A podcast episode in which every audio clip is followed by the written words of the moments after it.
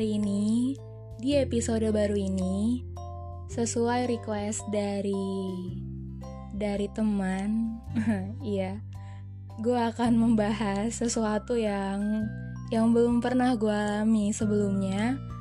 Tapi sepertinya ini lagi banyak banget dilakuin beberapa orang dan kenapa bisa gue bilang begitu?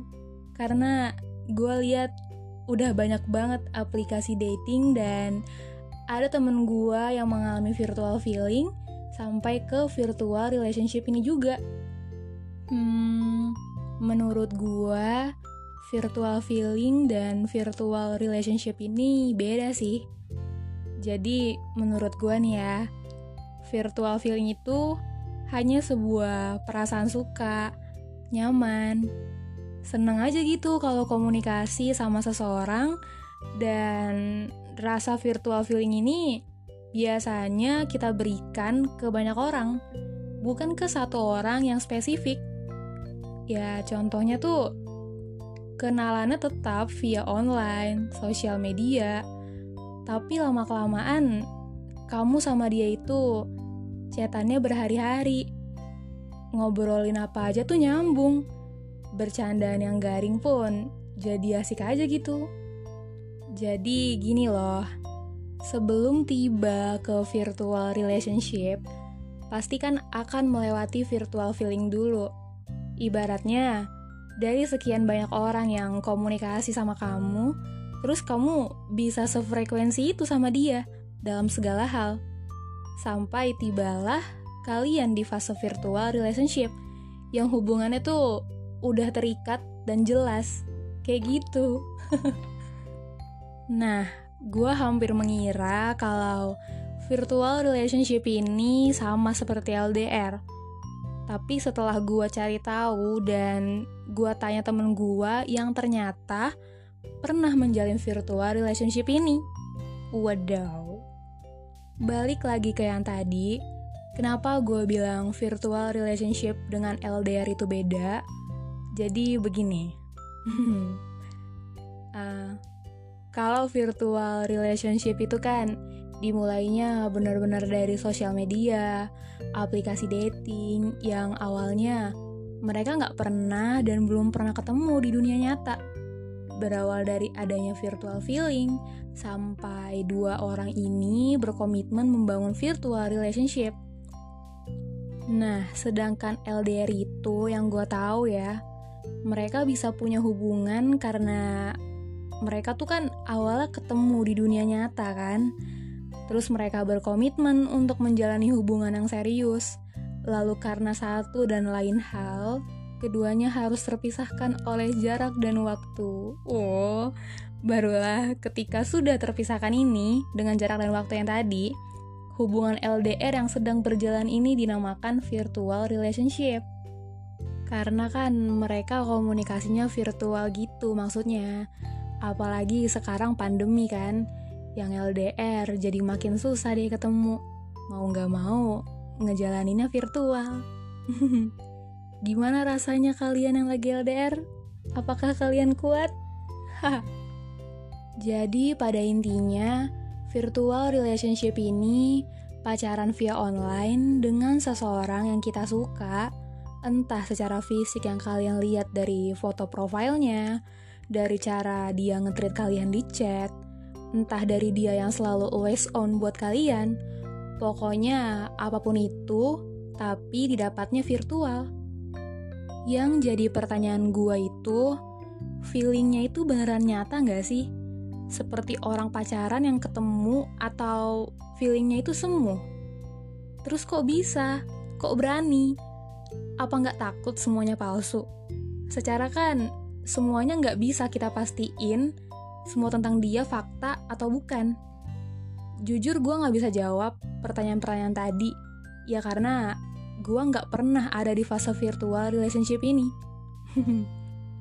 Kebetulan banget nih, temen gue berinisial N pernah virtual relationship dengan orang Australia jadi mereka ini ketemunya di di line di grup international friends-nya. Nah, barulah mereka beralih ke personal chat. By the way, sekarang mereka sudah menyudahi hubungan mereka, guys. Jadi yang gue tanyain ke teman gue itu, kenapa lu bisa tertarik mencoba virtual relationship? Terus dia bilang, gue tertarik karena belum pernah mencoba hubungan semacam ini sebelumnya. So, it was like, okay, let's see if this will be work or nah. Pertanyaan kedua, apa alasan bertahan dalam hubungan virtual kemarin? Terus dia bilang, alasan bertahan itu karena memang tadinya tidak ada alasan untuk mengakhiri hubungan tersebut. Dan juga adanya satu tujuan di antara kedua belah pihak untuk bertemu suatu saat nanti. Hmm, mereka udah komitmen bakal ketemu. Uh, sekali ya. Terus pertanyaan terakhir itu, Kenapa memilih mengakhiri hubungan tersebut? Dia bilang, gua memilih untuk mengakhiri karena ada masalah privasi dan gua sama dia beda negara dan beda jam juga. Jadinya sulit untuk menemukan waktu yang pas untuk berkomunikasi.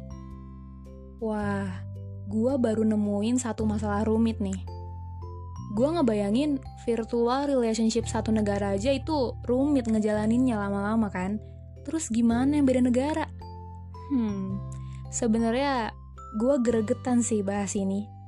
Karena kayak bingung awalnya gimana dan endingnya tuh yang kayak gimana.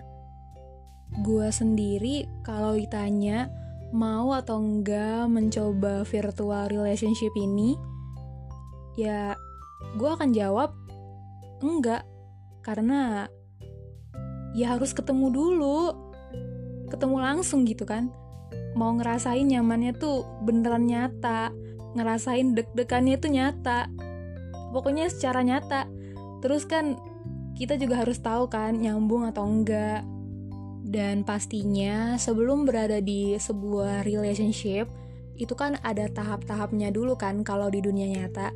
Ya begitu, ketika udah ketemu udah ketemu langsung kan dari berbagai tahap lalu misalnya gue harus LDR ya I think it's okay. Entahlah.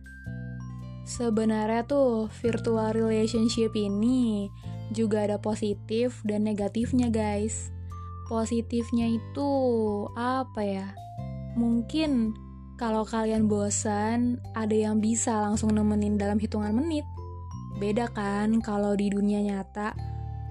Kalau di dunia nyata tuh kalian mau ketemu harus janjian dulu, nunggu dulu beberapa jam. Terus mungkin kalau tidur ada yang nemenin, teleponan maksudnya. Um, iya, kalian tidur sambil teleponan. Apalagi ya, mungkin kalau mau ketemu nggak harus capek-capek, nggak harus capek-capek dandan, atau pakai pakaian yang bagus.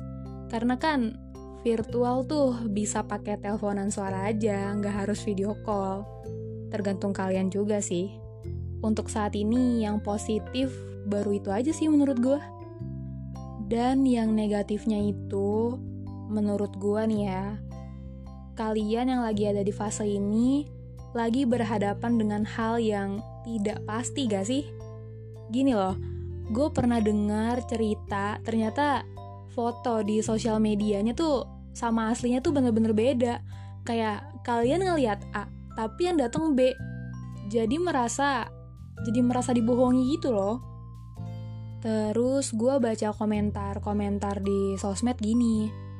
Gak ada cowok serius yang virtual karena sekalinya dia dapat yang nyata, sebaik apa pun cewek virtualnya, tetap dibuang demi yang nyata. Mau secantik, sesayang apa pun itu kalau cuma virtual, bakal kalah sama cewek di real life. Jangan terlalu percaya dengan yang virtual. Yang gak virtual aja bisa selingkuh, apalagi yang virtual. Aduh sakit banget gak sih? Terus, terus ada lagi nih, hmm, apa sih menjalin hubungan virtual itu adalah seni menyakiti diri sendiri aduh udah tahu sakit kenapa harus lo mulai coba dan ada lagi nih gue nemu satu komentar yang kayaknya bahaya banget dalam dunia virtual ini Begini komennya. Berawal dari main tele, terus saling suka, akhirnya kita pacaran. Tapi sehari kemudian kita memutuskan untuk putus karena ternyata kita sesama jenis. Astaga, gua pas baca ini kasihan loh. Misalnya nih, mungkin si A pakai username cowok, terus si B pakai username cewek. Kalau mikir positif kan, mikir, oke okay, kita lawan jenis, terus udah saling nyaman, atau apa pun itulah. Terus mungkin, mungkin ya mereka video callan, dan ternyata sama-sama cewek atau sama-sama cowok, kan ngeri kan? eh tapi beberapa ada yang gue lihat jadi beneran loh sampai menikah. Eh tapi menikahnya nggak virtual loh ya. Mereka beneran ketemuan dan saling komitmen yang kuat dari awal. Dan kalau dilihat-lihat, iya sih, kuncinya ya yang gue pahami, ya komitmen awal kalian mau diapain nih hubungan. Kalian tuh sama-sama nyata, hubungannya aja yang virtual. Kalau beneran mau jaga komitmen satu sama lain, ya bisa aja beneran jadi, kayak beberapa kisah yang gue lihat. Semuanya punya plus minusnya sih. Hubungan yang nyata juga. Jangan karena, oh nanti kan bisa ketemu. Ya tapi kan komunikasi itu juga penting. Untuk kasih kabar, lagi di mana, keadaannya gimana. Hal-hal simple kayak gitu, itu penting juga. Pada intinya, semua hubungan balik lagi ke orang itu masing-masing. Kalau kalian cuma mau coba-coba, ya endingnya kalian bakalan sakit. Jadi ya, gak usah coba kalau gak mau sakit. Tapi kalau kalian emang punya komitmen yang kuat untuk menjalani virtual relationship ini, ya silakan dimulai dengan yang serius dan dengan teliti juga dan pastiin kalian harus ketemu secara langsung dan harus menerima apa adanya pasangan virtual kalian ketika kalian ketemu nanti. Dan pada akhirnya, kamu itu nyata, dia juga nyata, kalian juga dekat, dan selalu ada untuk satu sama lain. Tapi hubungan kalian tuh nggak bisa digapai, abu-abu, nggak bisa kelihatan gue nggak bisa bilang virtual relationship ini saling mencintai. Karena mencinta itu artinya dalam banget. Karena gimana cinta mau dibangun tanpa kehadiran di dunia nyata kan? Tapi yang mengerti memang hanya mereka yang menjalani sih. Dan kedua belah pihak di virtual relationship ini gak ada yang salah. Karena suka dan nyaman itu bisa datang dengan cara apa pun Gak ada yang bisa menghalangi rasa itu. But I have friendly reminder. Bisa-bisanya nyaman dan sayang tanpa bertemu. Hati-hati ya.